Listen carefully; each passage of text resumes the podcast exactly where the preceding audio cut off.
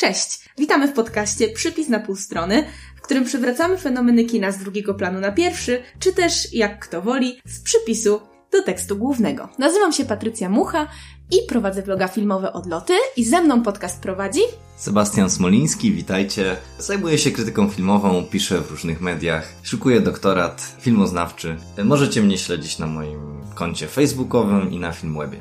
O co chodzi w ogóle z tym podcastem? Kiedy y, obejrzeliśmy wspólnie Manka, to byliśmy bardzo zaskoczeni tym, jak, jak ten film nas zawiódł, e, a jeszcze bardziej zasmuceni byliśmy i jeszcze bardziej tacy, no, zgorzkniali, kiedy um, czytaliśmy różne recenzje, także w Polsce, um, tego filmu, filmu Finchera i okazało się, że bardzo dużo ludzi przywołuje essay Raising Kane, autorstwa Pauline Kael, ale bardzo dużo ludzi go przywołuje w taki sposób wyrywkowy i zupełnie wypaczając jego sens, zupełnie wypaczając to, co się dzieje tam na tych wielu, wielu um, stronach tego eseju. I pomyśleliśmy, że właśnie, kurczę, ile jest, jak dużo jest takich fenomenów, które zepchnęliśmy gdzieś tam na bok e, i które stanowią taki takie słowa klucze, albo takie furtki, albo skróty myślowe i w efekcie są dla nas tak, że to nie jest tak, że my jesteśmy tego wolni. Trochę też są przejawem linistwa myślowego, to znaczy, że po prostu zakładamy, że po dwóch stronach ludzie rozumieją o co chodzi, albo czytali, albo są kinofilami, wobec tego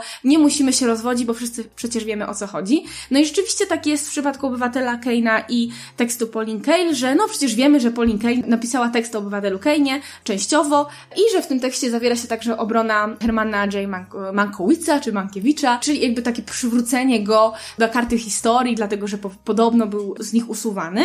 No i właśnie y, jak sobie myślę o tym, że, że bardzo dużo ludzi po powiedziało, że ten tekst znają, a jednocześnie zupełnie wypaczali jego sens, to pomyślałam sobie o tym, że właśnie, że można by stworzyć podcast, który poświęcony będzie właśnie takim fenomenom, o których już y, zapomnieliśmy, że warto o nich wciąż rozmawiać. I to są bardzo często rzeczy, na które nie ma miejsca w głównym tekście, bo jeżeli recenzujemy Manka, to wiadomo, że nie możemy poświęcić kilku akapitów na tekst 71 roku. Też nie każdemu się chce czytać teksty na temat innych tekstów i że być może chcecie po prostu o nim posłuchać. No i taka była nasza inspiracja i teraz garść technikaliów. Po pierwsze, to nie będzie podcast regularny, dlatego że, tak jak wspomniałam wcześniej, to była taka zajawka, która przyszła tak do nas nagle i y, już mamy parę pomysłów na następne odcinki, ale nie programujemy ich wcześniej, bo takie rzeczy się obserwuje, kiedy się więcej czyta, więcej ogląda, że kurczę, to się znowu i znowu pojawia. Czy jest za tym jakaś historia? Zresztą, no, jesteśmy trochę ludzie zajawki, y, mieszkamy razem, żyjemy razem i mimo że mamy pewne koniki, Patrycja jest specjalistką musicalu i robi razem z Kasią Czajką Kominiarczuk podcast w ten piosenka poświęcony właśnie musicalom. Ja też mam swoje pasje, no, kino noir do nich należy, czy kino japońskie trochę, tak jak hobbystycznie, to mimo tego skaczemy po różnych tematach i czasem różne tematy nas rozpalają. Co miesiąc jakiś nowy aspekt, zwykle historii kina, przykuwa naszą uwagę i, i może właśnie stanowić dobrą okazję, żeby trochę głębiej spojrzeć. Od razu powiem, że mm, fantastyczną, mam nadzieję, że podzielacie tę opinię, fantastyczną nazwę tego podcastu wymyśliła Patrycja, czyli przypis na pół strony, taki przypis, jaki akademicy, którzy kochają akademię, lubią chyba, chyba dawać. Na pewno widzieliście te mm, książki akademickie, gdzie tekstu głównego mamy cztery linijki, a przypis rozrasta się na kilka kolejnych stronic. I czasem, yy, przyznacie, że czasem jest tak, że ten przypis jest ciekawszy niż w ogóle sam tekst główny, prawda? Ktoś wspomina między słowami o jakimś zjawisku, yy, tylko zaznacza, że coś istnieje, a tak naprawdę chcielibyśmy wiedzieć więcej. I właśnie może to jest właśnie taki podcast. Tak jak Patrycja wspomniała, mało kto ma czas, i możliwości, żeby usiąść i przeczytać tę, no, taką małą książeczkę. To jest 90 dużych stronic. Mamy taką księgę, The Citizen Kane Book. To jest kilkadziesiąt stron tekstu Kale, podzielonego na 30 rozdziałów, krótkich po dwie, trzy strony. Tę książkę mamy też w sposób bardzo szczególny. Dużo książek kupujemy przez internet, czy też y, wracamy z nimi z podróży do Stanów, ale tę książkę kupiliśmy w Warszawie, w mieszkaniu e, starszego pana, który przez e, dużą część swojego życia pracował jako researcher w telewizji. Między innymi pomagał przy programach Stanisława Janickiego i on miał wielką bibliotekę w kilku językach, a żadnych innych języków poza polskim tak naprawdę nie znał, więc wykorzystywał te książki faktograficznie, szukał w nich faktów, dat, nazwisk reżyserów, no bo to mógł oczywiście zrozumieć i w tej jego wielkiej kolekcji książek było mnóstwo perełek. Jedną z takich perełek była właśnie książka The Citizen Kane Book, książkowa wersja tego eseju Cale, który ukazał się kilka miesięcy wcześniej no, na łamach New Yorkera, bodajże w dwóch częściach. A The Citizen Kane Book to jest długi esej Cale, pierwsze 100 stron książki. 200 stron zajmuje scenariusz obywatela Kane'a, który czyta się znakomicie, napisany ze swadą i bardzo dynamicznie. I kolejne bodajże prawie 200 stron to jest Continuity Script Czyli to jest taki scenariusz napisany już na bazie filmu.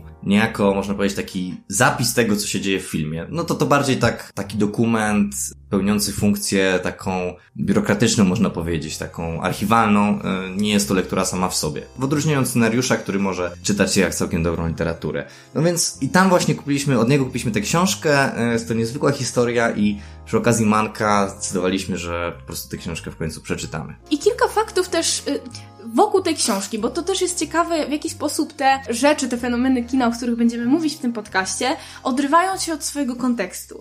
Także mamy The Citizen Kane Book, w której znajduje się esej e, Pauline Kael, ale zupełnie zapominamy, jaki to był czas, kim była w ogóle ta krytyczka często. To znaczy wiemy, że jest jakaś krytyczka, która powiedziała Orson Welles nie był autorem Obywatela Kane'a, tak naprawdę to Mankiewicz był um, autorem scenariusza. I scenariusza.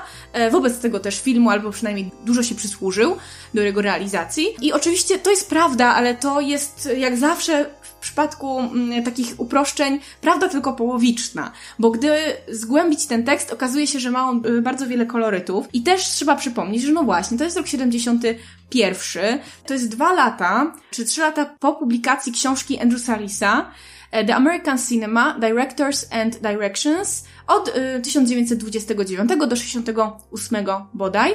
I y, to była książka, która była mocno inspirowana teorią autorską, którą e, Andrew Saris przywiózł oczywiście prosto z Francji, gdzie spotykał się z nowofalowcami i przeszczepił ją na grunt amerykański, ale bardziej niż uprawiając tą pewną strategię krytyczną, którą uprawiali właśnie krytycy we Francji, on próbował nadać właśnie tej polityce taki teoretyczny wymiar. E, I na przykład sporządził kilka punktów, co by miało tego autora wyróżniać. To są w ogóle punkty dosyć enigmatyczne. I Pauline Kael była przeciwniczką po prostu tej teorii. I jeżeli zaaplikujemy sobie już to myślenie, to widzimy, że właśnie mamy po prostu opowiedzenie historii obywatela Kane'a przez pryzmat scenarzysty, czyli kogoś, kto teoretycznie nie jest uważany za autora. Czyli e, Pauline Kael wystąpiła przeciwko teorii autorskiej, niejako rykoszetem odbiło się to po prostu na Wellsie, chociaż trzeba powiedzieć, że e, to też jest nieprawda, że ona go tutaj próbowała przy ten esej zniszczyć, bo wielokrotnie mówi o jego geniuszu. Więc najłatwiej podsumować to, co mówi Patrycja, rozróżniając właśnie na, na Francję, w której jest polityka autorska, czyli praktykowana przez krytyków KD Cinema pewna strategia i właśnie Saris obrobił to niejako, opracował w formie teorii autorskiej. E, więc teoria jest w Ameryce. E, Cale była już wtedy po polemikach z Sarisem z lat 60., więc to jest e, też pewna dłuższa, część dłuższej historii, Chociaż, tak jak Patrycja mówi, pewna sława wyprzedza ten, ten esej i przy okazji Manka właśnie jest on coraz częściej przywoływany, a kiedy wreszcie go przeczytałem, to mam wrażenie, że ten aspekt polemiki ze statusem Wellsa jako autora jest istotny, ale z mojego punktu widzenia, jako czytelnika, który y, o kulturze lat 30.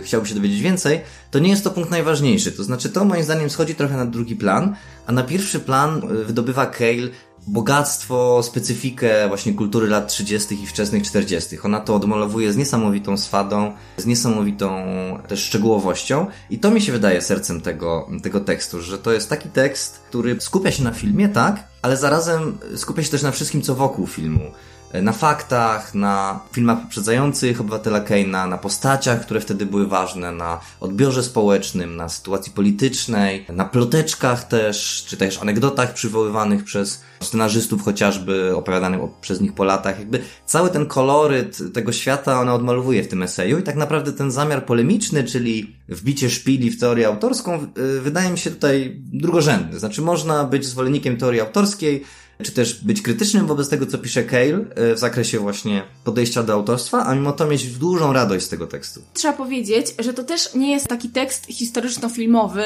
w tym sensie, w jakim e, czytamy teksty historyczno-filmowe, takie filmoznawcze, akademickie. To znaczy, tam nie ma grzebania w archiwaliach, przeczesywania się przez jakieś stosy e, dokumentów. To jest tekst krytyczny i to się niestety zaciera w tym eseju, na co zwraca uwagę Peter Bogdanowicz, który wszedł w polemikę z tym tekstem, ale to o tym powiemy później. Natomiast y, od razu warto to powiedzieć, że tutaj nie było celem Kale, e, albo przynajmniej tak się nam wydaje, że to nie było jej celem, żeby uprawiać historię kina, tylko żeby krytycznie ją opracować w swoim własnym unikalnym stylu i chociaż to nie jest styl tak gęsty i tak pełen ozdobników, jak to, co możemy znać z jej krytyki takiej codziennej, że tak powiem, i tekstów wpisanych dla New Yorkera, to wciąż ma po prostu genialne fragmenty. I ostatnią rzecz, jeśli chodzi o sam kontekst powstania tekstu, trzeba powiedzieć i tu, no niestety to nie jest przyjemna sprawa, bo tekst w dużej mierze korzysta z researchu czy z badań, które na E, obywatelu Kane i na produkcji tego filmu poprowadził e, Howard Suber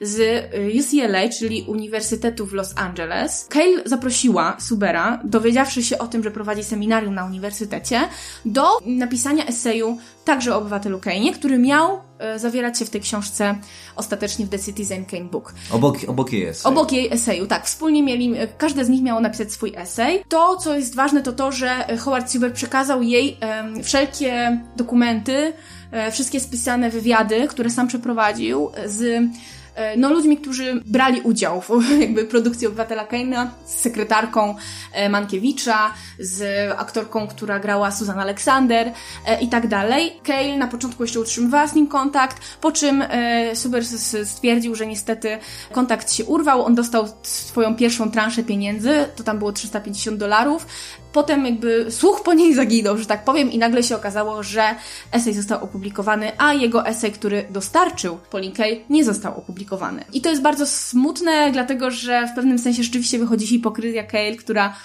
jak zaraz zaczniemy opowiadać, krytykuje Wellsa za to, że podkradł autorstwo scenariusza, albo chciał podkraść autorstwo scenariusza Mankiewiczowi, sama okradając kogoś z własności intelektualnej. Po tym, co Patrycja powiedziała, już możecie sobie zacząć szkicować portret osobowościowy Kale, która, no trzeba to powiedzieć, nie, nie była osobą skromną, nie była osobą też, która właśnie potrafiłaby się na przykład zanurzyć na kilka lat w researchu na temat Kane'a, żeby możliwie uczciwie i precyzyjnie opracować, powiedzmy, komentarz krytyczny do scenariusza, gdzie właśnie taki przypis na pół strony. Ona nie była osobą od przypisów na pół strony, była bardzo żywiołową pisarką, która zawsze stawiała ja w centrum. Ja, czyli moje emocje wobec filmu, moje zdanie. Często też polemizowała z filmowcami także na temat na przykład techniki filmowej po prostu w swoich recenzjach, wskazując, że oni złych wyborów dokonywali, co niektórych doprowadzało do furii, bo wskazywali, że ona tak naprawdę nie ma pojęcia o robieniu filmów. Tutaj moim zdaniem, tak jak Patrycja wspomniała, no jest,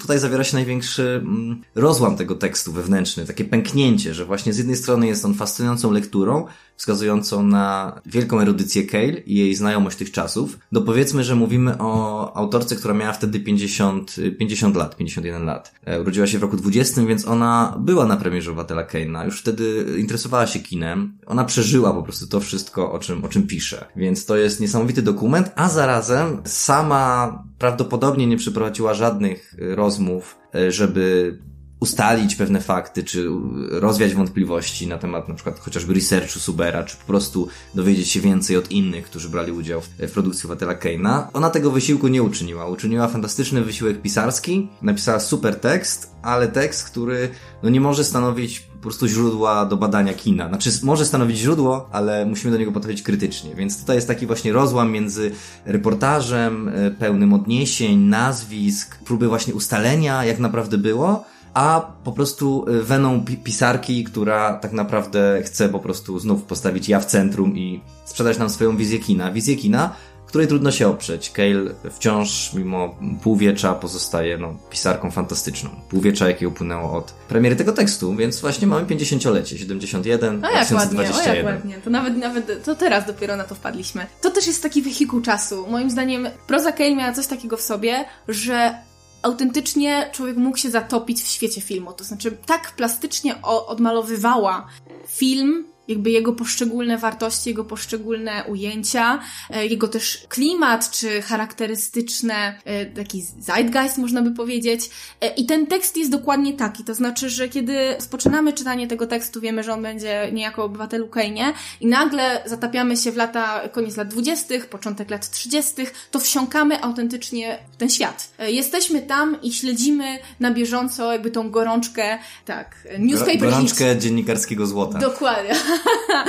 tak, I, i, i to jest, i od tego może zaczniemy, że duża część tego eseju jest poświęcona właśnie rekonstrukcji branży filmowej lat 30. To jest jedna z bardziej fascynujących rzeczy tego eseju. Tak, i wydaje się, że z perspektywy czasu szczególnie yy, i w optyce Cale, która no, ma siłę przekonywania, właśnie lata 30. są tą kluczową, najwspanialszą dekadą Hollywood. Nie chodzi o to, że powstało wtedy najwięcej arcydzieł, być może tak, ale o to, że te filmy, po pierwsze filmy z lat 30. wciąż oglądamy, bardzo wiele z nich jest w naszym krwioobiegu, czego niestety nie można powiedzieć o wielu filmach niemych. My na przykład lubimy kino nieme, oglądamy czasem, natomiast e, jeśli chodzi o taką obecność w kulturze, no to filmy nieme niestety zostały grubą kreską oddzielone i tylko pojedyncze, pojedyncze tytuły wciąż krążą, wciąż je oglądamy, od A do Z po prostu, są czymś więcej niż artefaktami, a wtedy no, narodziła się po prostu estetyka kina dźwiękowego, która jest z nami do dzisiaj i Kale o tym fantastycznie pisze. Ona między innymi nie powiela tego argumentu, yy, wedle którego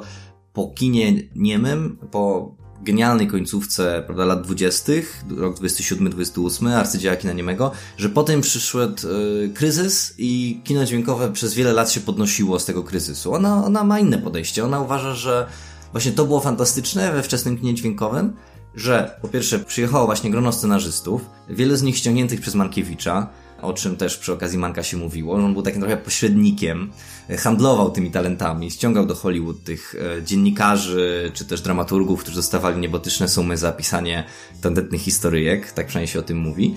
I że właśnie wtedy kino amerykańskie jakby przemówiło Dosłownie i, i w przenośni. Dosłownie, bo oczywiście pojawił się dźwięk. Mank zresztą to powiedzmy pisał też filmy nieme już. On przyjechał kilka lat przed wprowadzeniem dźwięku.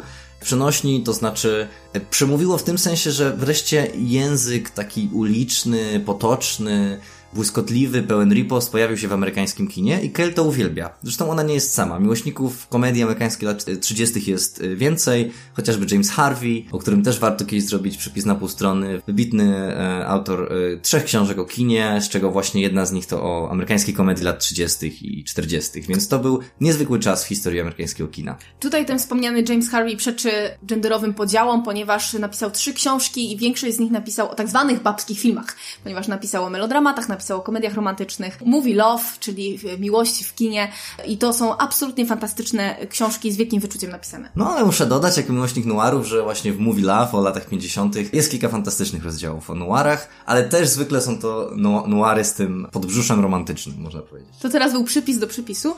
To, co jest ważne, to to, że jak Kay bardzo różni się od y, tego, jak się mówi o kinie lat 30., bo mówi się właśnie o talkies, czyli tych właśnie filmach mówionych, o kiepskiej jakości rozrywce, która y, polegała na tym, że branża zachłysnęła się dźwiękiem i w końcu w branży filmowej można było przedstawić dialogi, więc trzeba to było wykorzystać do cna.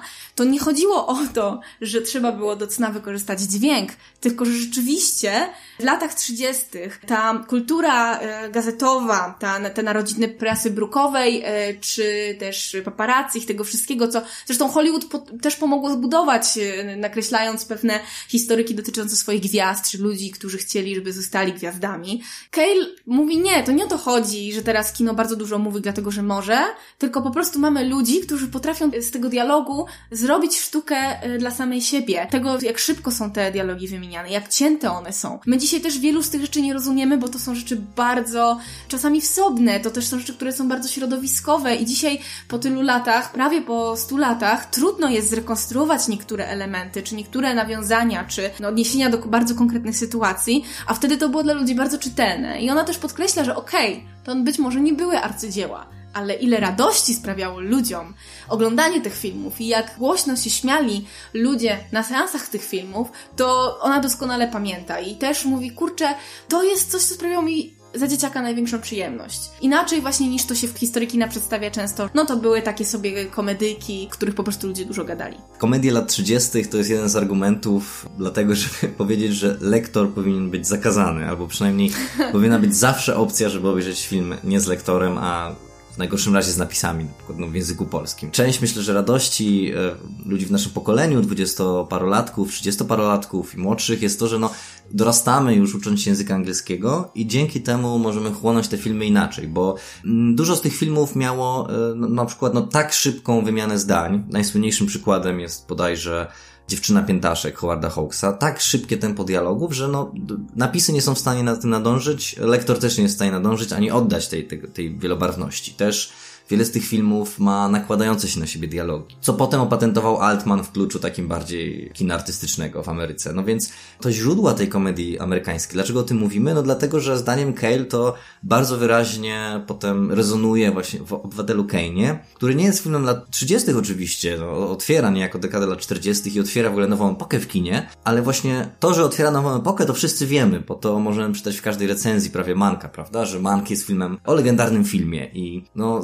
zaprawdę no, nie ma wielu bardziej legendarnych filmów, bardziej otoczonych kultem, też taką pewną legendą niż właśnie Obywatel Kane, ale to, dlaczego warto ten essay przeczytać, to to, że Dzięki temu dowiadujemy się, co było przed. Nie co było potem, bo ona w sumie pisze bardzo niewiele o tym, jak się później potoczyły losy Wellsa i Mankiewicza. Jest to taka puenta tego eseju, ale no to tylko tak właśnie w ramach zamknięcia. Ją to nie interesuje. Ją interesuje, co było przed i w trakcie. I właśnie dlatego widzimy, z czego Obywatel Kane wyrasta. Nawet jeśli jest filmem absolutnie y, genialnym, wytyczającym nowe szlaki i mającym jakość samą w sobie, to jednak jest jakaś historia kultury, która go poprzedza. I to myślę, że Cale fantastycznie wydobywa. To nie chodzi nawet tylko o kulturę filmową, ale w ogóle o narodziny amerykańskiej kultury masowej, o narodziny polityki też e, Stanów Zjednoczonych tamtego czasu. To jak bardzo New Deal jakby wkroczył do kultury, nie tylko jako strategia polityczna, czy jako strategia naprawy kraju, ale też jako strategia myślenia, nowa strategia myślenia o świecie, czy o Ameryce. Co widać świetnie w filmach Capry. Dokładnie, dokładnie. Sam pomysł splecenia w ogóle kina z amerykańskością, to w tym tekście bardzo mocno widać. To znaczy, że to nie jest tylko tekst o kinie, to nie jest te tylko tekst nawet o jednym filmie, czy nawet o pewnej grupie filmów. To jest też tekst o amerykańskiej sztuce i to bardzo się mocno wybija jak uda mi się kiedyś doktorat napisać, to mogę Wam zdradzić, że jedną właśnie z tez jest to, że amerykańska krytyka filmowa wykuwała trochę tożsamość amerykańską, tożsamość sztuki amerykańskiej. Myślę, że jeśli chodzi o Cale, to dużo bardziej pasjonującym jej projektem, rozciągniętym na całe życie, była nie tyle polemika z teorią autorską, bo umówmy się, to też jest łatwy chłopiec do bicia, to znaczy jak sobie o tym pomyślimy, mimo że w Polsce akurat to myślę, że takie przekonanie o tym, że reżyser jest Bogiem ma się dobrze, to jeśli o tym pomyślimy, no to jest to absurdalne, prawda? Bo jakby no, no film jest sztuką w 99,9% kolektywną i czujemy wkład po prostu grupy osób w każdy film, to w tym sensie jakby teoria autorska łatwo ją argumentami zbić, to tym większym projektem Cale mam wrażenie właśnie było dowartościowanie amerykańskiego kina w odmianie bardziej ludycznej, w odmianie popularnej. Ona była, słynęła z tego, że była antysnobistyczna, nie znosiła snobizmu w kinie. E, nie chodzi o to, że nie potrafiła docenić wyrafinowanej sztuki, bo potrafiła. Pisała pięknie, właśnie chociażby o wspomnianym Altmanie, o Binuelu, o Bergmanie, o Satyajcie Reju, twórcy bengalskim, reżyserze, prawda, słynnym, więc ona potrafiła docenić dobre kino, ale wiedziała też, że na arcydziełach nasza strawa filmowa się nie kończy, że właśnie kino popularne to jest coś, czym my oddychamy i co chłoniemy, co nam pomaga przetrwać, co nam pomaga żyć i na przykład teraz jak nagrywamy ten odcinek w czasie pandemii, prawda? Y, wiele osób mówi, że właśnie dobry serial, dobra książka, coś bardziej popowego, bardziej narracyjnie wciągającego pozwala nam ten trudny czas przetrwać, ale nawet nie, nie tylko o to chodzi. Chodzi po prostu o to, że też w hierarchiach estetycznych tamtych lat, no jednak bardziej ceniono na przykład sztukę europejską, kino europejskie. I Cale zawsze była, zawsze była w kontrze wobec tego i to też przenika cały ten esej, którego jedną z głównych tez jest to, że Battle Kane jest w sumie, no, filmem, można powiedzieć, popowym.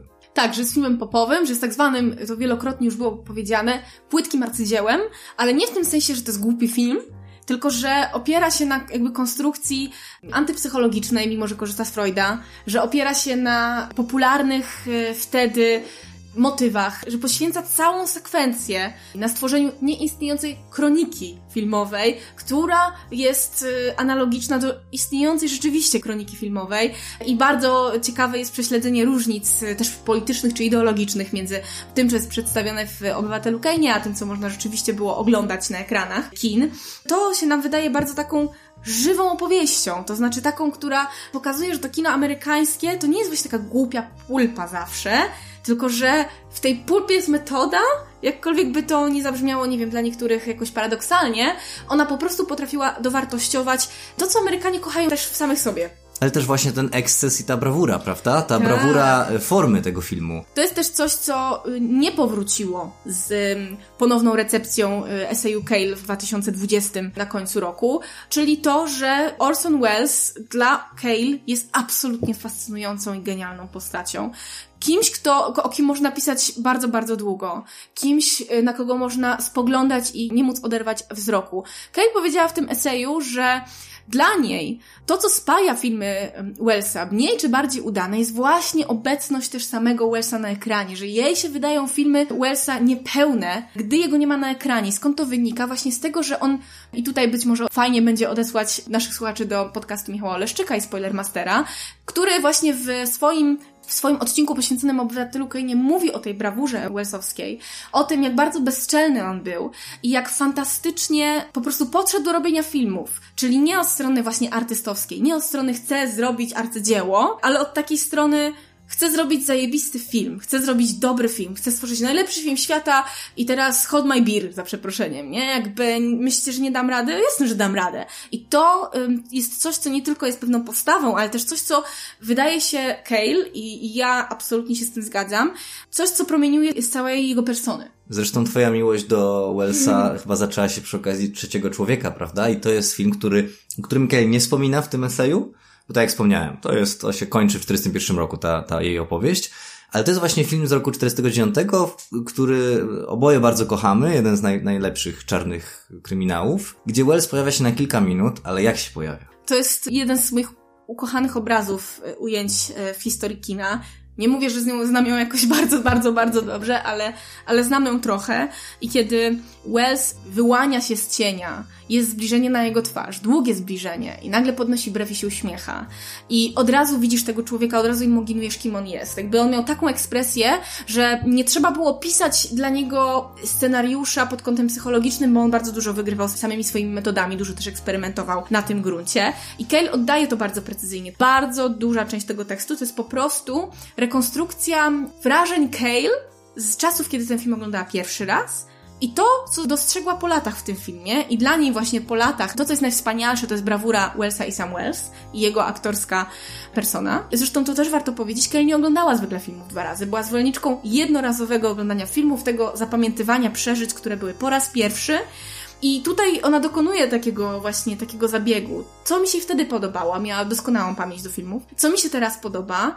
Wtedy uważałam, że no to taki film, który po prostu jest bardzo dobry, ale wolałam inne rzeczy, wolałam te komedie, ale po latach dostrzegam, jak to fantastycznie rezonowało ze wszystkim, co było wokół. Yy, trzeba powiedzieć też to, że naprawdę Ken nazywa Wellsa geniuszem w tym tekście, że pokazuje też, że to nie jest tak, że Mankiewicz y, zrobił ten film sam, dlatego, że napisał genialny scenariusz i Wells po prostu siadł i już nie miał nic więcej do roboty, bo scenariusz był genialny, tylko pokazuje właśnie, że unikalne połączenie tej komediowej i prasowej persony Mankiewicza, która się przejawiała w jego scenariusza, połączenie z Wellsowską taką smykałką do tragedii, patosu, pewnej kreacji takiej z zupełnie innych rejestrów, stworzyło no, unikalny miks coś, co się już nigdy nie powtórzyło.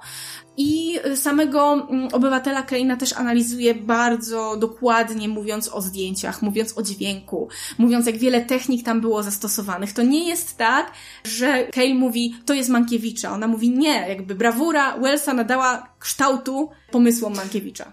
Tak, i właśnie tutaj dwa punkty. Jeden punkt to, to, to miejsce, gdzie Kale e, raczej na pewno się myli. O tym mówią późniejsi biografowie biografka braci Mankiewiczów, Mówią też badacze filmu, no to, że Cale gdzieś tam przemyca taką myśl, że no w sumie Wells nic nie napisał w sumie. Że sekretarka Mankiewicza mówi, że Wells w sumie nie napisał żadnego zdania. I to, no to raczej nie jest prawda. Czy to jest element, gdzie ten tekst, no trzeba brać poprawkę, że, że tutaj jest y, raczej pewne lenistwo researchowe Cale, albo może jednak niechęć do ustalenia tego motywowana tą niechęcią do teorii autorskiej, o której mówiliśmy, to jest jedna rzecz. No, druga to jest to, że właśnie kiedy czytamy to 50 lat później, to myślę, że mamy już inną ocenę Wellsa. Ostatnie lata, ostatnie no 10 nawet lat, czy 20, już nawet nie chodzi o to, że obywatel Kane jest od y, kilku dekad na pierwszym miejscu, prawda, tej słynnej listy and Sound, publikowanej raz na dekadę.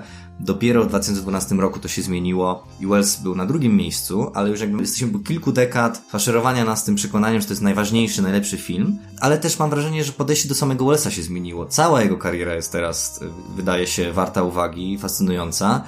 Ja widziałem chyba wszystkie filmy pełnometrażowe Wellsa, nie widziałem niektórych jego projektów pobocznych, a robił tego mnóstwo. No też chociażby na Netflixie oprócz Manka możemy zobaczyć jego nieukończony film, Nieukończony za życia, prawda? Druga strona wiatru, The Other Side of the Wind, który miał premierę e, bodajże dwa lata temu. E, Marka Kazinsa, The Ice of Orson, of Orson. Welles. Też taki pełnometrażowy dokument o Wellesie. Trzytomowa biografia Wellsa. Jakby tego się pojawia mnóstwo. Wells nie jest już tylko i wyłącznie autorem Obywatela Kane'a, a jednak u Cale tak właśnie jest. To znaczy, wydaje się, że to daje trochę status Wellsa w roku 71. Kiedy on jeszcze kręcił filmy, jeszcze ma przed sobą kilka projektów, ale właśnie jest, no, no jest tym, jak to się czasem mówi, najmłodszy has-been, czyli najmłodszy ten, który kiedyś był wielki, a dzisiaj już stracił status. Wydaje mi się, że to, to dzisiaj się zmieniło i już tak na to nie patrzymy, że jednak bierzemy Wellsa jako całość, jako twórcę, który no, miał bardzo dużo pecha i, i dużo e, trudnych projektów po drodze, ale jednak czego się nie tknął było w jakiś sposób bardzo ciekawe. No, chociażby to, jaki status ma e, jego noir, Dotknięcie zła, który no, oficjalnie zamyka tą, tą epokę klasycznych noirów, ale też jest uważany coraz szerzej za arcydzieło samo w sobie. Też status Efekt Fałszerstwo, który jest filmem być może mniej znanym, ale dla wielu takich no, nerdów filmowych czy geeków, to jest e, seans obowiązkowy i dla wielu wideoeseistów to jest w ogóle instrukcja, jak robić wideoeseje, bo to jest e, tak naprawdę pierwowzór wideoesejów, byśmy mogli powiedzieć, jeden z wielu.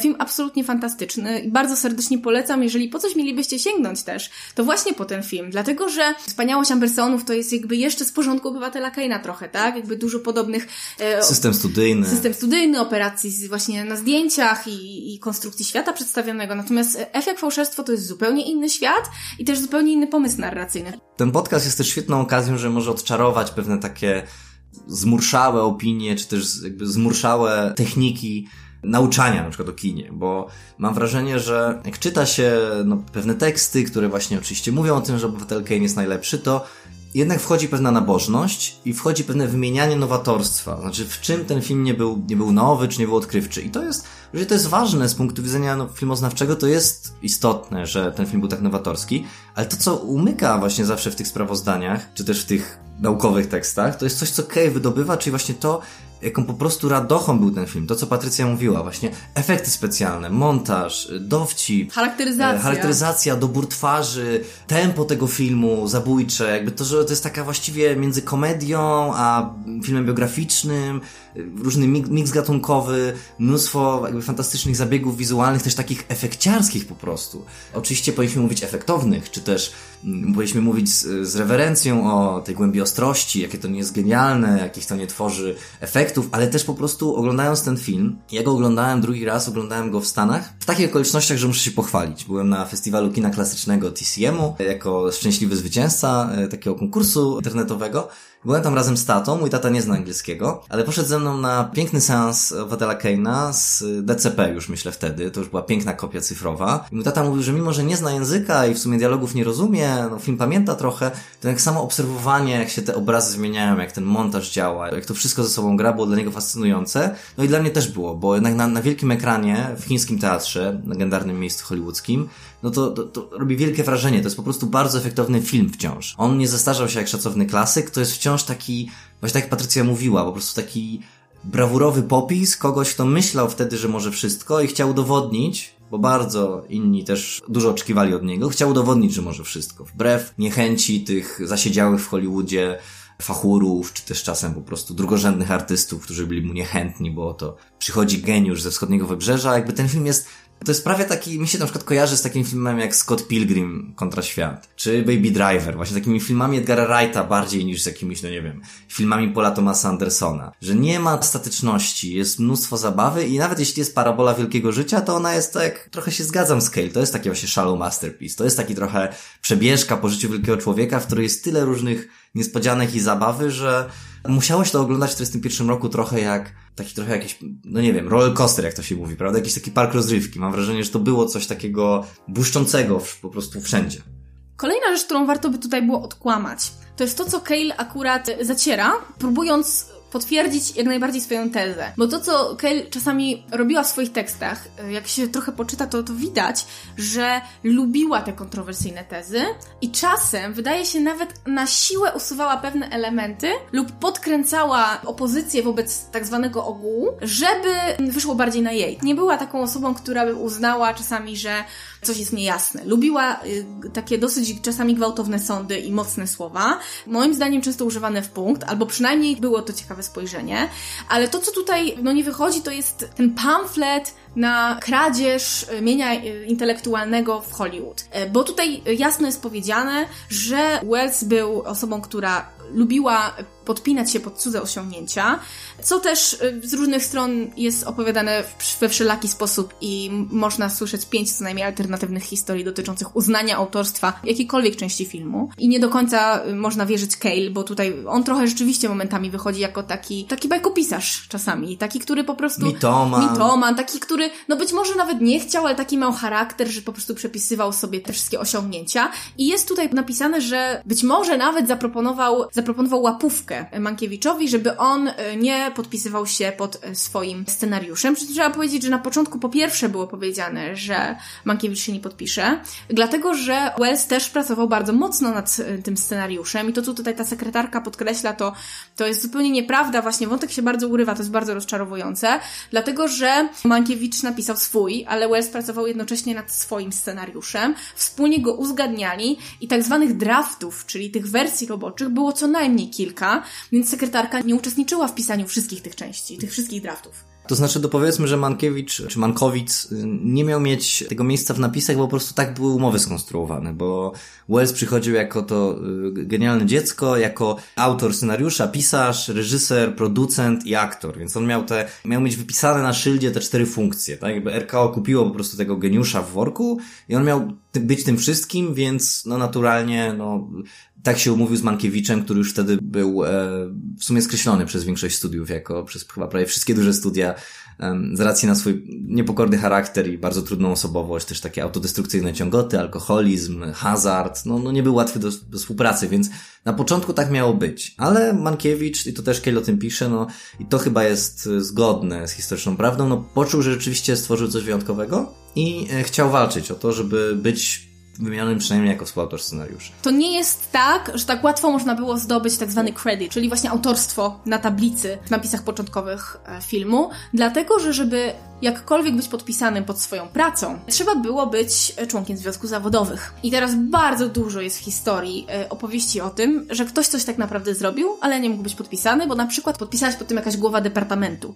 Bardzo często byli to mężczyźni, dlatego że po prostu do związków zawodowych kobiet nie przyjmowano. I tutaj z kolei takie odesłanie moje do podcastu You Must Remember This i ostatniego sezonu tego podcastu, gdzie opowiedziana jest historia Poli Platt, scenografki filmów Bogdanowicza między innymi, która y, musiała się no że tak powiem, dobijać do drzwi gildii tych scenografów, dlatego że do lat 70. nie było tam żadnej kobiety.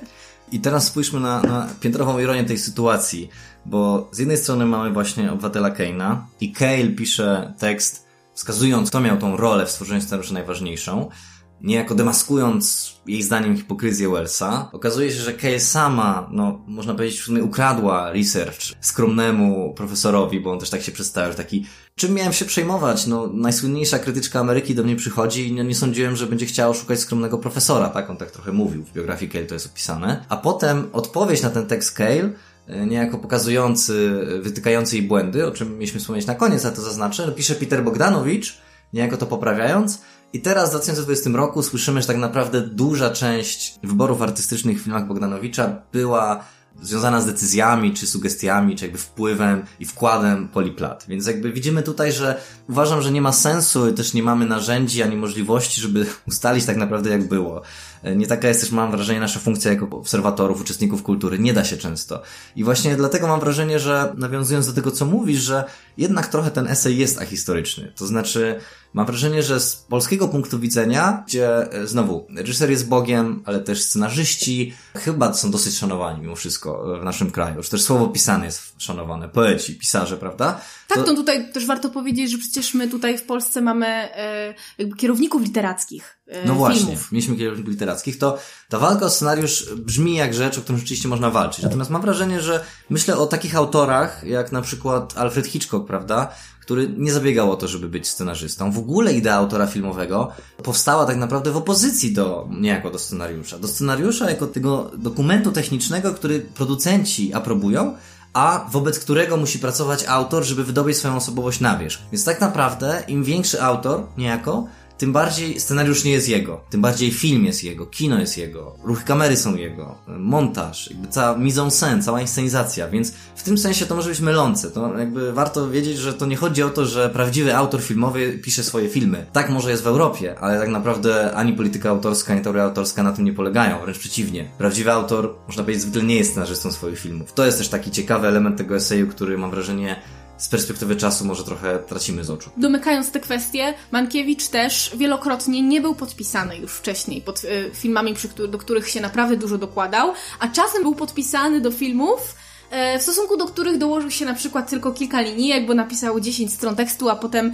że tak powiem, poszedł w melanż. I po prostu to, to nie jest tak, że to była pierwsza też sytuacja, która się taka Melanżował sporo, melanżował, melanżował sporo. tak. Zresztą też u Hersta przecież i, i to już znamy całą tę historię z Manka. Ani to nie była pierwsza sytuacja, ani to nie była wyjątkowa sytuacja, bo często było tak, że Mankiewicz był podpisany też pod scenariuszem, który tworzyło kilka innych osób. To, co wydaje mi się też szczególnie ciekawe, to historia recepcji i historia dystrybucji. O historii dystrybucji ym, sporo mówił też Michał Leszczyk w swoim podcaście, o tym jak trudno było doprowadzić ten film y, do tego, żeby był dystrybuowany, dlatego że wciąż Hearst był poważną postacią, ważną postacią. Nawet jeżeli już trochę jego wpływy słabły, to wciąż jego związek z Marion Davis, zaangażowanie w kino, jeszcze z kilka lat wcześniej, y, produkcja filmowa, wciąż y, były ważne dla wielu ludzi wciąż były ważne dla Hollywood. On po prostu w ogóle był tak jak Wells. Widziało się go i on z buta wywoływał respekt u ludzi. Stąd też on sam do końca nie był zaangażowany w te wojny dystrybucyjne, ale w jego imieniu to następowało jak najbardziej. I rzeczywiście te przepychanki były, było bardzo dużo recenzji w bardzo poczytnych czasopismach typu Time, typu Newsweek, które były hura optymistyczne i często były w ogóle obudowane na tej rewelacji, być może to jest najlepszy film e, wszechczasów, którego nigdy nie zobaczycie. Było budowane na tej opinii. Cale to pięknie rekonstruuje. Tu mi się wydaje, że się nawet przyłożyła, bo jest tych cytatów bardzo dużo. Jest też z Jamesa Age'ego, cytat. Y, tu, Otisa Fergusona. Otisa Fergusona. Czyli z klasyków amerykańskiej krytyki. I to, ta rekonstrukcja jest dosyć precyzyjna. No właśnie, czyli z jednej strony ta dystrybucja, która w końcu y, doszła do skutku, ale jak wiemy, w dosyć wąskim zakresie RKO jako jedne z takich biedniejszych studiów też nie miało swoich teatrów, teatrów theaters, czyli kin swoich własnych sieci, tak jak większość dużych studiów. Potem to się udało wprowadzić na ekrany właśnie dlatego, że było posądzenie o zawiązanie jakiegoś trustu anty-RKO i to by było w niezgodne z prawem, w związku z czym w końcu niektóre kina kupiły ten film, ale go nie wyświetliły. I tutaj jest bardzo dużo bardzo ciekawych detali. To znaczy, to już jest coś, czego my tutaj nie będziemy do końca rekonstruować, ale krok po kroku, miesiąc po miesiącu, Cale to rekonstruuje. Tak, zresztą od razu do powiedzmy, że wszystkiego się nie da zrekonstruować, bo są takie de detale w tym tekście, takie szczegóły chociażby, jeśli chodzi o samą postać Hersta, o, o, jej recepcję na przestrzeni dekad, bo to też y, struktura tego eseju jest ciekawa, bo Cale wraca ciągle do, do tych samych tematów. Zarazem zaczyna się to tak, że Zaczyna się od szerokiego płótna, od właśnie tych wczesnych lat 30., od kultury lat 30. i stopniowo Kale to zawęża do właśnie do Batela Kane'a, ale potem druga część eseju to znowu wydaje się tak trochę jako śmiornica, że temacki różnie krążą. W wielu różnych miejscach podejmuje temat właśnie podobieństwa Hersta, życia Hersta do, do życia Kane'a i to robi w sposób bardzo, bardzo szczegółowy, ale rzeczywiście no, nie da się tego wszystkiego streścić. Natomiast tak, to jest bardzo ciekawe i też to mi się wydaje też bardzo ważną tutaj częścią tego eseju, to co Patrycja mówi właśnie o tym, że dla nas jako no, widzów, którzy oglądają Obywatela Kaina 80 lat później, to to, czy on był sukcesem kasowym, czy nie, nie ma wielkiego, większego znaczenia. Natomiast Kale stawia taką tezę, i to mi się wydaje bardzo ciekawą tezą, że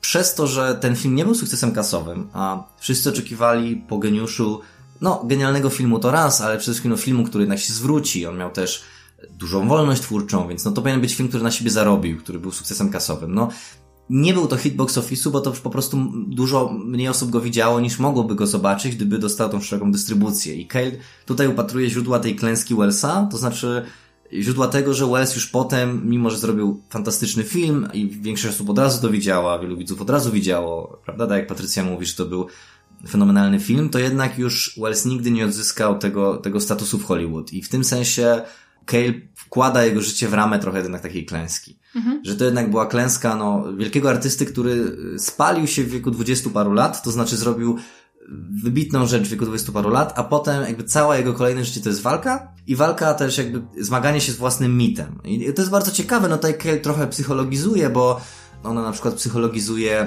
w tym miejscu, kiedy pisze, że no Wells był uważany za takiego geniusza i wszyscy mu mówili, że jest geniuszem od kiedy tam miał kilka lat, jakby po prostu był dzieckiem, że może naprawdę poczuł z czasem, że to on napisał, tak? Jakby to jest jej założenie i to trzeba zawsze czytać y, między wierszami, no bo jednak to jest bardzo takie, no, no niesprawdzalne i w sumie, no, y, uważam, że no dzisiaj już pewnie autorzy by takich rzeczy nie robili. Też jakby ta specyfika pisarstwa Cale często się opierała właśnie na takiej dużej subiektywizacji doświadczenia, na też pewnym wchodzeniu do głowy reżyserów i tak naprawdę wyłuszczaniu czytelnikom, co jej zdaniem oni sądzą, tak? Jakby no pytanie właśnie, na ile mamy do tego dostęp. Ona to robi, ale wydaje mi się, że ten centralny argument właśnie to, że no jednak yy, nie chodzi nawet o to, że już nigdy Wells nie miał prawa do ostatniego cięcia, tak zwanego final cut, że po prostu decyzja o ostatecznym montażu. Bardziej chodzi o to, że po prostu zaczęło się od wrogości środowiska hollywoodzkiego wobec niego.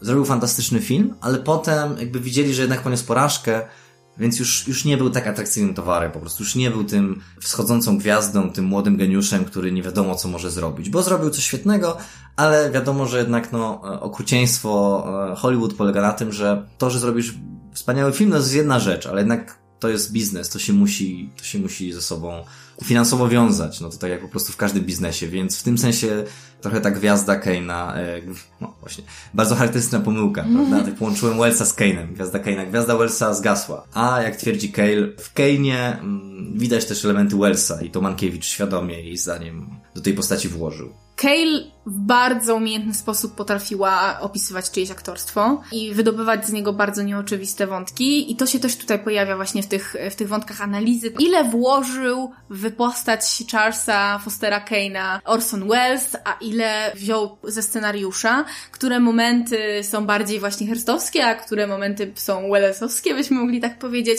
Polecam tutaj znowu taki przypis do przypisu, e, poczytać po prostu takie teksty, które są poświęcone aktorstwu właśnie u Cale, na przykład tekst o Chociażby recenzję Ojca Chrzestnego, tak gdzie fantastycznie opisuje aktorstwo Pacino, a potem De Niro w drugiej części. Mhm, albo tekst o Serpico, znowu Al Pacino, e, znowu długa analiza bardzo różnych elementów tego aktorstwa, coś, e, co w ogóle jest bardzo rzadkie w krytyce od zawsze, a, a teraz szczególnie. Bardzo mało się o aktorstwie pisze w innych niż takich, w takich stereotypowych frazach. Tutaj pojawia się, no znowu, to przerzucanie, przerzucanie się autorstwem, on jest dużą częścią tego eseju, ale jednocześnie nie jest to sprowadzone do tak prostych rzeczy, jakby w obiegowej opinii się wydaje. Bo na przykład pojawia się kwestia różyczki. E, I moim zdaniem e, to też jest coś, co zmieniło się przez lata. Dla wielu ludzi to jest taki McGuffin dzisiaj, e, tak nazywany. Dla wielu ludzi to jest satysfakcja z zrozumienia tego, że my dostąpiliśmy zaszczytu, wiedzy tego, czym ta różdżka jest, zaszczytu, którego nie dostąpił główny bohater de facto filmu, czyli dziennikarz, który bada sprawę Keina. I różyczka była elementem w istocie niechcianym niechcianym. I niechcianym też y, przez Kale, tak? Ona powiedziała, że to jest w sumie jeden z najsłabszych y, momentów, dlatego, że to jest taki pretekst. Dzisiaj się już analizuje w ten sposób, że Wells i Mankiewicz byli fantastyczni, byli tacy sprytni, bo obudowali narrację wokół czegoś, co y, w sumie jest nieistotne. W ten sposób zagrali sobie z widzem i że w sumie to jest oczywiście no taka gra w kotka i myszkę. To jest taka oś, która nas prowadzi przez tą narrację, w sumie nieistotna, jakby nie, nie musimy tego tak naprawdę wiedzieć, ale nadaje ona też filmowi psychoanalityczny wymiar. I to też jest coś, co jest y, w sumie dzieckiem swoich czasów, jak to się czasem mówi. To znaczy te przy, duże przywiązanie do psychoanalitycznych czytań, lektury, filmów, czyli ta różyczka jako raj utracony. Ale zarówno Mankiewicz nie uważał tego za swój najlepszy pomysł scenariuszowy, po prostu nie wiedział do końca, czym to można zastąpić, a Wells też bardzo często mówił, że właśnie to nie jest mój pomysł, e, to było Mankiewicza, trochę to zostawiliśmy, nigdy nie lubiłem tego elementu. To, jak, jak ta różyczka migruje sobie aż do Simsów, w których trzeba wpisać różyczkę po w języku angielskim, żeby dostać kupę hajsu i zrobić sobie właśnie swoje własne zanadu. W Simsach chyba części pierwszej. No, aż do jakiegoś takiego ikony pewnej.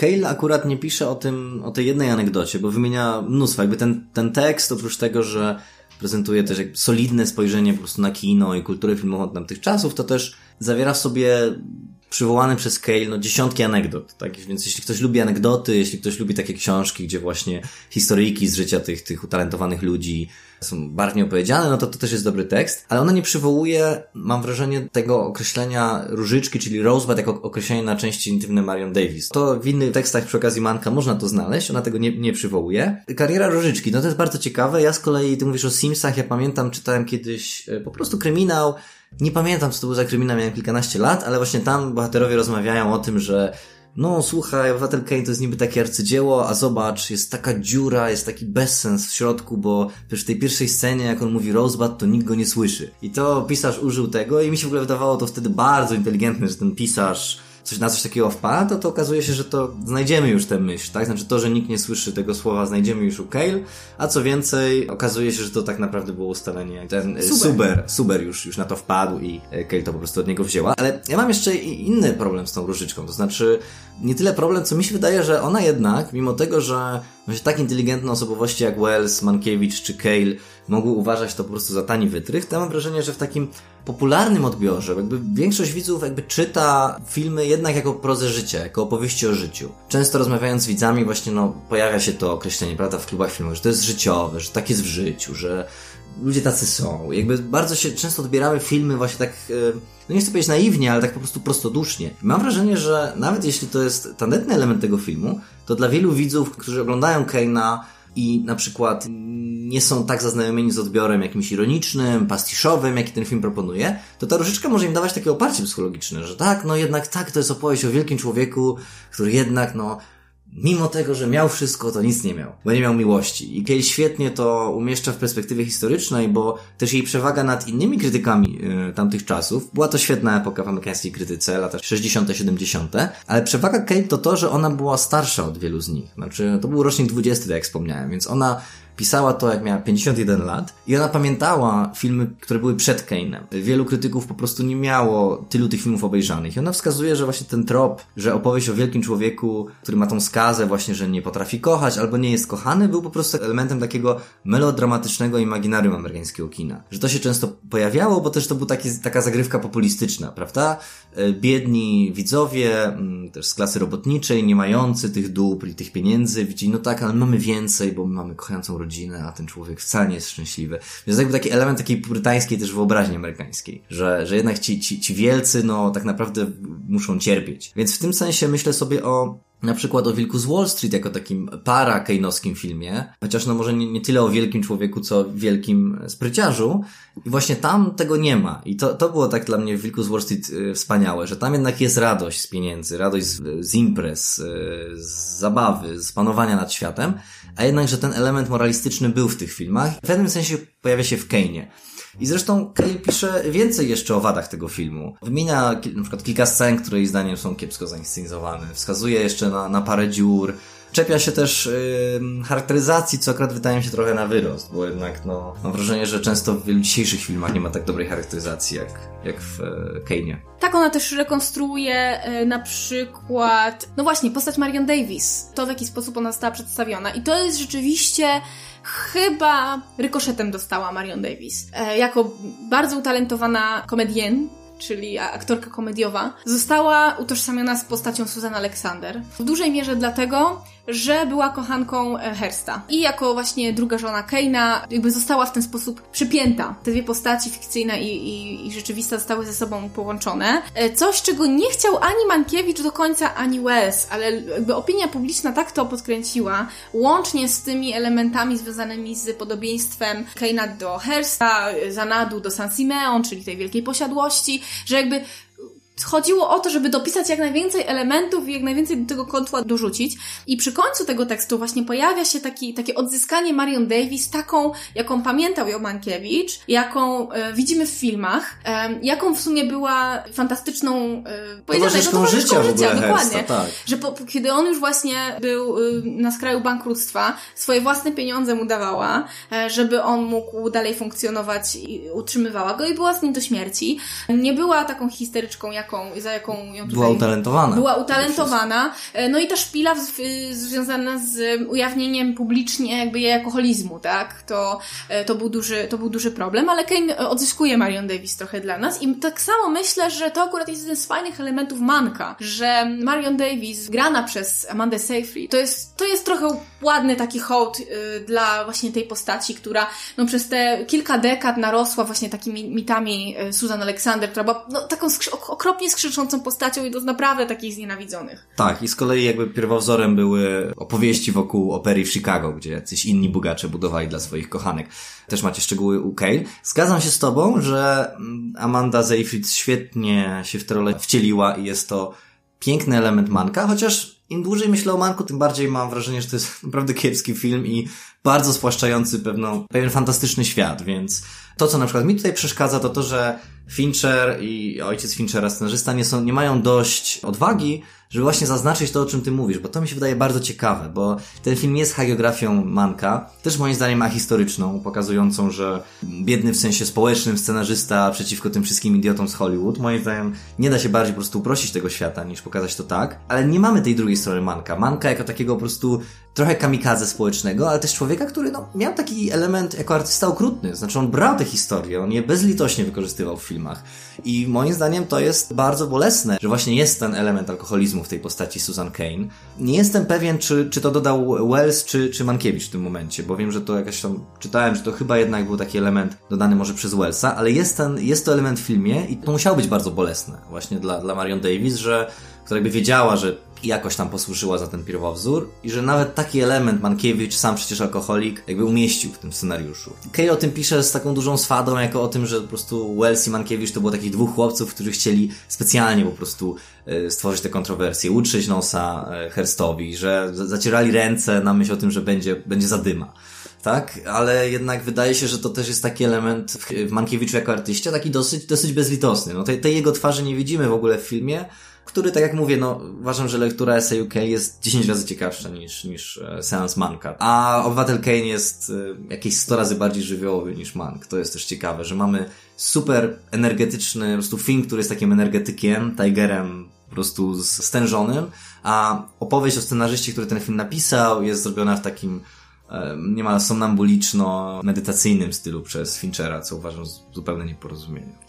No jak już jesteśmy y, przy tym pokłosiu Raising Kane, nie powiedzieliśmy skąd tytuł. To jeszcze na zakończenie. Skąd tytuł w ogóle Raising Kane? Zacznijmy od źródła, to znaczy od tytułu filmu. Kane pisany przez K, K a-N-E, no to oczywiście jest tytuł filmu, Obywatel Kane. Ale w angielskim jest dużo homonimów, czyli słów, które brzmią tak samo, mimo że inaczej je się zapisuje. Kane to jest homonim słowa e, Kain, Kane, napisane przez C, C, C-I-N, E, czyli Kain, czyli ten, który zabił swojego brata. I mm, okazuje się, że to też ma jakieś źródło w ogóle w historii Hersta, który E, uwielbiał bodajże sztukę Kane i Mabel i też sam, samo to jakby dodanie tego takiego biblijnego aspektu do, do filmu wydawało się twórcom takie dosyć przewrotne. No a też właśnie sama fraza Raising Kane, oprócz tego, że, czyli tytuł eseju Kane, oprócz tego, że dosłownie znaczy tworzenie Kane'a, wznoszenie, jakby proces twórczy, Raising Kane, to też y, no, nawiązuje do tej do to frazy oznaczającej y, robić raban, robić zamieszanie, tak? To raise Kane. Zresztą e, Brian De Palma e, nakręcił film Raising Kane. Tylko właśnie pisany, przez C, więc, ale już ten, ta dwuznaczność, ten element kainowski, o czym mam wrażenie, że w ogóle się w sumie chyba nie mówi, już jest e, w tytule filmu Orsona Wellesa. Chyba y, Kale była świadoma tego, co może się stać po publikacji tego eseju. Chyba nie była świadoma tego, jak to mocno wpłynie też na, mm, na całe środowisko y, filmowe i na samego Wellsa, który kurczę od, od wielu, wielu lat już się borykał z, ze swoimi produkcjami. Wiecznie dofinansowany, y, grający w reklamach y, po to, żeby sfinansować swoje projekty. No i tutaj w obronie Wellsa stanął jego przyjaciel, czyli Peter Bogdanowicz, znany właśnie Wam na pewno z filmu na przykład Papierowy Księżyc, ale też Ostatni seans filmowy, What's Up Dog, czyli co jest doktorką e, z Barbara Streisand. Jeśli znany, bo właśnie mam wrażenie, pytanie, czy jeszcze oglądamy film Bogdanowicza, to jest zasadne pytanie, może te wczesne, ale to jest tak naprawdę bardzo podobny przypadek do Wellsa. E, oprócz tego, że Wells był geniuszem, a Bogdanowicz, my z Patrycją uważamy, że chyba jednak nie. E, to, to też to była młody geniusz, młoda gwiazda, kinofil, który zrobił na początku lat 70. kilka głośnych filmów rok po roku miało premierę kilka jego filmów, które właśnie Patrycja wymieniła. To są wszystko filmy zrobione w obrębie trzech lat. No a dzisiaj, no, no dzisiaj niewiele robi. Tak. tak, a wciąż przecież żyje. Nie wypowiada się też za bardzo, natomiast no właśnie, wypowiedział się w 72 roku. Niektórzy mówią, że po prostu podpisał y, się swoim nazwiskiem pod tym, co mu Wells powiedział. Natomiast moim zdaniem jego bardzo osobliwa buta którą widać w jakby tej postaci, jest w tym tekście widoczna. Oprócz tego, że właśnie tak jasno mówi, że tak, za film odpowiedzialny jest reżyser, a pani Cale chciałaby, żeby było inaczej. No to oczywiście zabiera innym ludziom filmu to, co ich czyli ich osiągnięcia. I to właśnie widać w historii Poliplata, ale nie tylko. On był bardzo, on był bardzo zachłanny, jeśli chodzi o, o swoje produkcje. Był też czasami niepewny i potrzebował kogoś decyzyjnego i bardzo często to ktoś inny podejmował decyzje artystyczne, a Bogdanowicz zbierał jakby za to e, hołdy i oklaski. Powoli kończymy, bo nasz kot już zaczyna miauczyć. Dokładnie. Ale to, co Bogdanowicz zrobił, dużo krótszy tekst oczywiście napisał dla magazynu Esquire. E, można go przeczytać też w całości w, w internecie za darmo, wyłuszczył błędy, które rzeczywiście się w eseju Cale pojawiły. Przy czym, jeżeli Esej Cale jest fascynującą opowieścią o kinie, o Kejnie, o Welsie, o Herście, o Mankiewiczu, to Bogdanowicz napisał tekst, który jest po prostu takim krytycznym, nawet nie krytycznym właśnie, takim z agresją y, godną małego chłopca, y, odbiciem zarzutów. Y, bardzo często. Jest tam kilka zasadnych fraz. Jest jeden ważny wątek, właśnie ten, w którym on mówi no kurczę, Pauline Kael chciała się bawić w historyczkę, a to jest jednak tekst krytyczny i to rzeczywiście on zwraca tak, na to uwagę. Tak. Natomiast tak, to, jakby to nie jest w ogóle fascynujący tekst krytyczny, to co on napisał. Po prostu mówi tak, no, no tutaj Pauline Kael mówi, że jest łapówka, a tutaj nie ma potwierdzonych takich danych. Gdyby pani Kael zajrzała do tych dokumentów, to wiedziałaby, że tam to się wydarzyło inaczej niż ona to zaprojektowała. Przede wszystkim też ujawnia ten skandal z kradzieżą intelektualną, to już wtedy się pojawiło.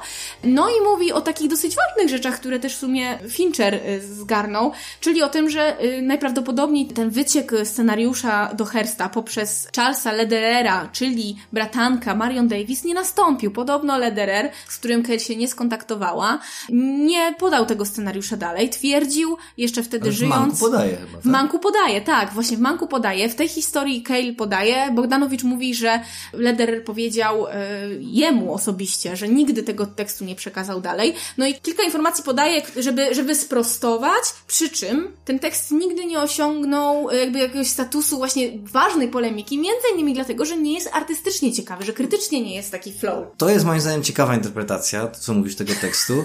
Nie, a uważam, że tak. Natomiast y, mam trochę więcej jednak sympatii do tego tekstu, bo tak jak kocham Kale, zarażony przez yy, naszego przyjaciela Michała Leszczyka, kocham Kale od wielu lat wielką miłością, to nie lubię, bardzo nie lubię tych momentów, kiedy ona właśnie wychodzi poza, poza swoje kompetencje i rzeczywiście tak. pisze niepotwierdzone rzeczy bądź impulsywne rzeczy, które rzeczywiście szkodzą po prostu innym. No szczególnie, że no właśnie, jeśli to ma być tekst wymierzony przeciwko Wellsowi, to też dodając kontekst historyczny, no umówmy się, to też to też był łatwy cel ataku, bo tak jak wspomnieliśmy, on już był ten has-been, on już był ten ex-geniusz, więc y, no zgadzam się, no nie jest jakoś tak y, literacko ciekawy ten tekst Bogdanowicza, ale moim zdaniem jest bardzo zgrabnie napisany i sama, sam fakt, że właśnie no filmowcy piszą takie teksty, no to jest właśnie taka tradycja trochę nowofalowa. No ale tak, problem z Bogdanowiczem, jaki myślę oboje mamy, no jest taki, że jak zajrzycie chociażby do Petera Biskinda, y, Easy Riders Raging Bulls, ale właśnie raczej posłuchacie tego podcastu o Poliplat, to Bogdanowicz się trochę maluje jako taki, mówiąc brzydko, przydupa z tych wielkich starych mistrzów, prawda? Jako, jak pamiętacie chłopcy z Ferajny, to to jest taki trochę młody Henry Hill, który po prostu dostał garnitur, czyli jakby dostał to namaszczenie od Hawksa, bo jadał kolację z Hawksem, przyjaźnił się z Wellsem, znał się z Johnem Fordem. On jakby dotknął tych wielkich samców, tych gigantów klasycznego Hollywood i jakby chciał być trochę takim jednym z nich. Więc to jest takie trochę słabe, że po prostu czuć z tego tekstu, że on jest jakby właśnie takim pieskiem Wellsa i Wellsa szanuję bardzo i kocham jako człowieka, mimo wszystkich jego wad, ale właśnie no Bogdan, Bogdanowicza ta, no to, że on był takim oficjalnym, po prostu można powiedzieć PR-owcem tych wielkich mistrzów, no jest z perspektywy czasu irytujące. Więc, więc tak, to, to mi się wydaje takim trochę wadą tego tekstu, że Kale jest jednostronna i jest w swoim żywiole polemicznym i napisała fantastyczny tekst, ale krzywdzący dla wielu osób, nie tylko dla Howarda Subera, e, ale też trochę dla Wellsa, no to tak samo Bogdanowicz też się czuje, czuje się czytając ten tekst, że to też jest tekst jednostronny, więc jakby warto oba przeczytać, ale pamiętać, że oba są po prostu częścią pewnej walki, walki o, o znaczenie, co znaczy być reżyserem, jakie znaczenie ma Hollywood, jakie znaczenie ma amerykańskość, I oba są, oba są w jakimś sensie biased, czyli Uprzedzone. jest jakieś uprzedzenie w nie wpisane. Tak, to trzeba powiedzieć, że no oczywiście y, Bogdanowicz był w gorszej pozycji, bo co może zrobić po pierwsze na, na łamach Esquire, po drugie no rzeczywiście po prostu odpychał zarzuty, więc jakby jego tekst nie, nie miał za bardzo tezy przewodniej poza tym, żeby pokazać, że, że Kale popełniła błędy i on rzeczywiście te błędy dosyć precyzyjnie wyłusza. To, to jest ważne, żeby to powiedzieć i dlatego też warto przeczytać oba teksty, żeby sobie te informacje doczytać i zobaczyć, gdzie ona popełniła te błędy. Natomiast potem już chyba, jak już troszkę ostygła sytuacja, pojawiło się dużo więcej tekstów i oczywiście ostatecznie sytuacja y, klaruje się tak, że do końca nie wiemy, gdzie tak naprawdę ta szala, na, na, na czyją korzyść ona się przechyla. Jest y, cała książka y, Roberta Carringera na temat y, obywatela Keina. Ostatnio właśnie w kontekście premiery Manka pojawił się w Sight and Soundzie essay Para Smithnem o tytule The Gilded Cage Herman J. Manko, y, Mankowitz in Hollywood z grudniowego właśnie numeru i ona tam również pokazuje i rekonstruuje właśnie ten odbiór nie tyle już samego Keina, ile właśnie tej, tej autorskości Keina i jak bardzo to wciąż nie jest oczywiste, co zresztą było punktem wyjścia właśnie tego biegnego, po- pokrzywdzonego e, Howarda Subera, który mówił, jak na jego wiedzę sprawa nie jest przesądzona. Ale na pewno wiemy, że nie było tak, jak pisze Cale, to znaczy to nie jest tak, że 100% to jest Mankiewicz. Jak najbardziej. Natomiast y, tutaj się pojawiło bardzo dużo takich filmików. Sama widziałam jeden taki esej, który miał bardzo dużo wyświetleń, bardzo imponująco, tak technicznie zrobiony, w którym y, autor rekonstruuje to, co Kate powiedziała, to, co Kate napisała, a potem jest takie jedno zdanie, ale ona była w błędzie. Nie można streścić dużego jakby tekstu i powiedzieć po prostu była w błędzie, bo w wielu, w wielu miejscach mm, totalnie ja się z nią zgadzam. A są miejsca, w których się nie zgadzam i to jest najfajniejsze w ogóle w prozie krytycznej. Absolutnie, więc y, jeśli z czymś Was chcieliśmy pozostawić po tym, po tym podcaście, no to właśnie z tym przekonaniem, że mimo, że tempo naszego życia jest zabójcze, że mało kto ma czas, żeby poświęcić tydzień na czytanie tekstu Kale, to jednak warto raz na jakiś czas takie wypady w kierunku researchu robić, bo, bo to są przygody fascynujące, które zmieniają w ogóle myślenie też o tym, co się dzieje dzisiaj. Więc tak, to, to nie jest tak, że cały sens tego tekstu zawiera się w tym, że Mankiewicz był super, a Wells był zły. Nie. Rzeczywistość, życie i kino są bardziej skomplikowane, o czym mam nadzieję udało nam się trochę opowiedzieć. I o czym jeszcze będziemy opowiadać w kolejnych odcinkach. Tutaj na zakończenie powiem, że linki do obu tekstów, czyli zarówno do Raising Cane z New Yorkera, jak i do tekstu Petera Bogdanowicza ze Squire znajdziecie na YouTubie w opisie filmu. Jeżeli podcast Wam się podobał, to dajcie nam e, oczywiście lajeczka na YouTubie, e, zasubskrybujcie, możecie też oczywiście zasubskrybować na samym Spotify'u, ocencie gdzie możecie, zapraszamy też na fanpage Filmowe Odloty, gdzie będzie najwięcej informacji o, o tym podcaście, ale też Sebastian w swoich kanałach będzie o nich informował. No i co? I żegnamy się i do usłyszenia następnym razem. Cześć! Do usłyszenia.